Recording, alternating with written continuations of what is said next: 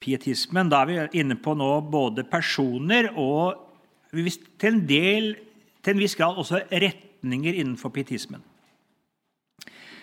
Eh, Halvpietismen den eh, har sin eh, på en måte start ved August Herman Franke.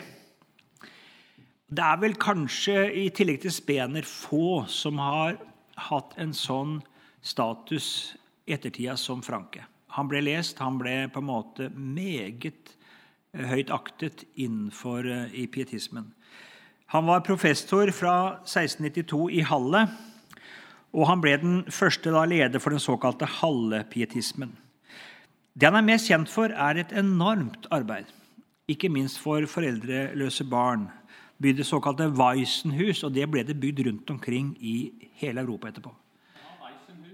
Ja, Stavanger, i Oslo. I, altså det, det, ble bygd altså hjem for foreldreløse barn. Eh, og, eh, og, skoler for fattige. Altså det var et, altså en enorm nød for å hjelpe vanskeligstilte og, og lære dem Og ta seg av dem, men ikke minst lære dem. altså, Lære dem kristendom. Eh, altså, eh, det var, så det må vi si, det er bare å ta seg hatten for det, den innsatsen han gjorde. Også ivrig opptatt av hedningemisjon. Det var jo nesten fraværende totalt i ortodoksiens tid. Man tenkte det, det sto i Bibelen at de har fått høre hele verden. Ja, Da var det avsluttet. Det var, det var, det var skjedd i apostlenes tid. det. Så, så, det var ikke noe som eh, det var apostlene som fikk misjonsbefalingen, og det var, det var ferdig. Så eh, Ja. Bare si litt om misjon. Han var jo opptatt så når, kommer litt tilbake til det, men når svenskene tapte eh, slaget ved Poltava Eh, så var det mange som eh, Noen endte jo opp i, i fangenskap, og det var forskjellige tilstander. Og det var noen som havna langt oppe i Sibir over lang tid. Da sendte Franke dem bøker. Det var mange som leste seg etter frelse. og Når de kom hjem til Sverige, så hadde det enorm betydning for pietismens utbredelse i Sverige. Så denne misjonen den, den, altså han, han, han, må ha fulgt enormt med. Og så muligheter, ikke sant? For å, Jeg tror han faktisk besøkte dem, til og med disse her krigsfangene. Svenske krigsfanger, en tysk professor. Altså, altså, men, men, det sier noe om hans, hans, eh, hans engasjement og nød. Eh, og det må vi bare si at det er forbilledlig. og Vi snakker om eh, Franke. Læremessig så var han mer radikal enn Spener. Eh, la bevisst mindre vekt på dogmatikk og mer på bibelstudier. Det var nok kanskje ikke så dumt. Eh, det hadde nok blitt mye dogmatikk, og bekjennelsen kunne til en del ta Bibelens plass. Sånn var det ikke hos Gerhard, men det dro i den retning. Eh, og, men han var også da mer åpen for andre tolkninger enn den bokstavelige. Eh, mens man i ortodoksien var veldig nøye med det, at den bokstavelige var den egentlige. Det var ikke det at det ikke var typologi og bilder, og sånt noe, det var man åpen for. Men det var den bokstavelige som var den, på en måte, den viktigste forståelsen. Så leste vi poesi som poesi, men historiske beretninger så var det det bokstavelige. Hos Franke så var det mer at man regnet med en åndelig tolkning, en mystisk tolkning, og den fikk gjerne litt forrang. Og det var gjerne slik at man ble veldig glad i bilde og symbolikk. Og det er klart, det er mer tøyelig. Eh, og, og, det åpner for, eh, for litt eh, Ja, ikke den samme nøkternhet i, i, i utleggelsen. Han har sterk vekt på omvendelsen, og den måtte skje til et visst skjema. En sann omvendelse skulle foranledninges av en botskamp hvor en gjennom lovens forkynnelse kom inn i en åndelig krise. Og I denne krisen fatter mennesket en beslutning om å bryte med det verslige liv og begynne et nytt liv. Og Deretter gir Gud troen som mottar syndenes forlatelse. Man burde nok helst kunne datere sin omvendelse. Eh, og kunne man ikke det, så måtte man i minste kunne vise til en periode hvor man hadde vært inne i denne botskampen. Og Her får du nok et visst lovisk preg. Et, på en måte et skjema du skal igjennom.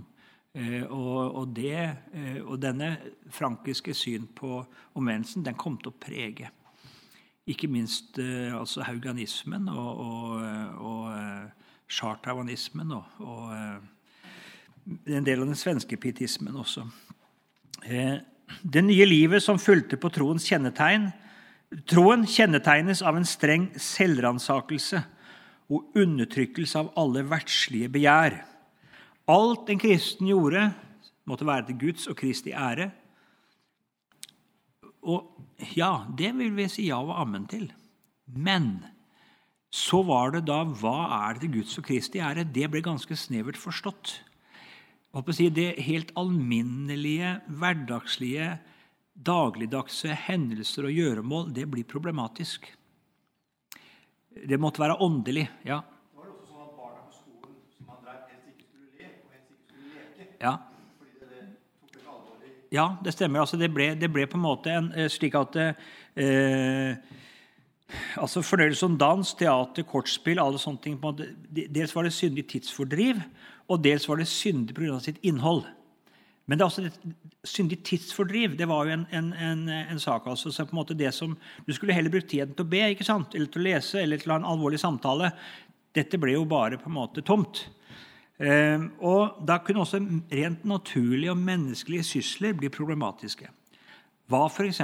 med å eh, pynte opp i hjemmet? Det var nok problematisk da. fordi at eh, Kunne ikke de pengene vært gitt til misjon eller brukt på noe annet? eller så en del sånne menneskelige kanskje kalle det menneskelige behov og naturlig menneskelig samkvem ble problematisk. Eh, og, og eh, en del som du får i puritanismen i England, får du noe tilsvarende, hvor på en måte særlig sabbaten da, og sabbatstenkningen kommer i Calvins sammenheng også. Den blir forstått eh, ut fra Det gamle testamentet. Og det blir på en måte eh, Barna kunne ikke leke. Eh, de skulle på en måte leve i den voksnes verden og lese katekisme, gå på møte eller gudstjeneste.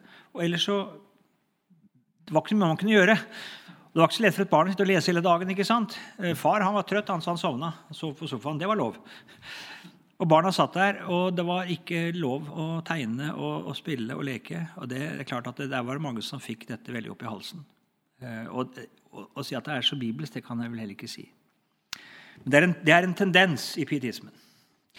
Eh, bare ta det forholdet. ikke sant? Hva da med en roman? Hva med musikk? Det var verslige fornøyelser. Men mennesket har en kreativ, en estetisk evne og sans.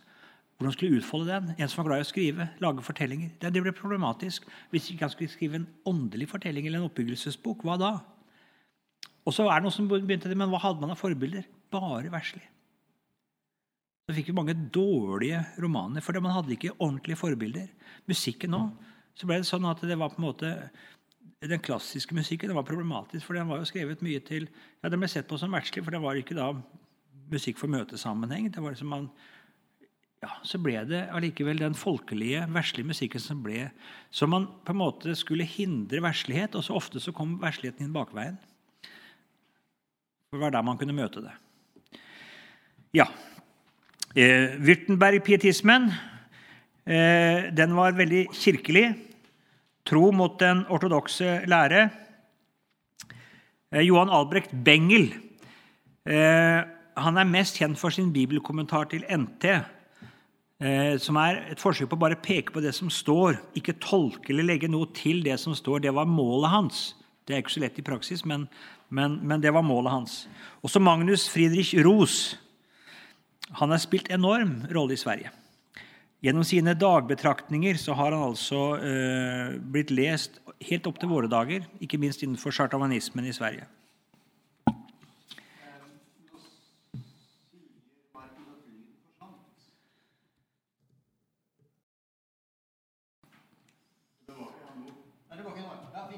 Okay. Så har vi da radikalpietismen. Der er en som heter Gottfried Arnold.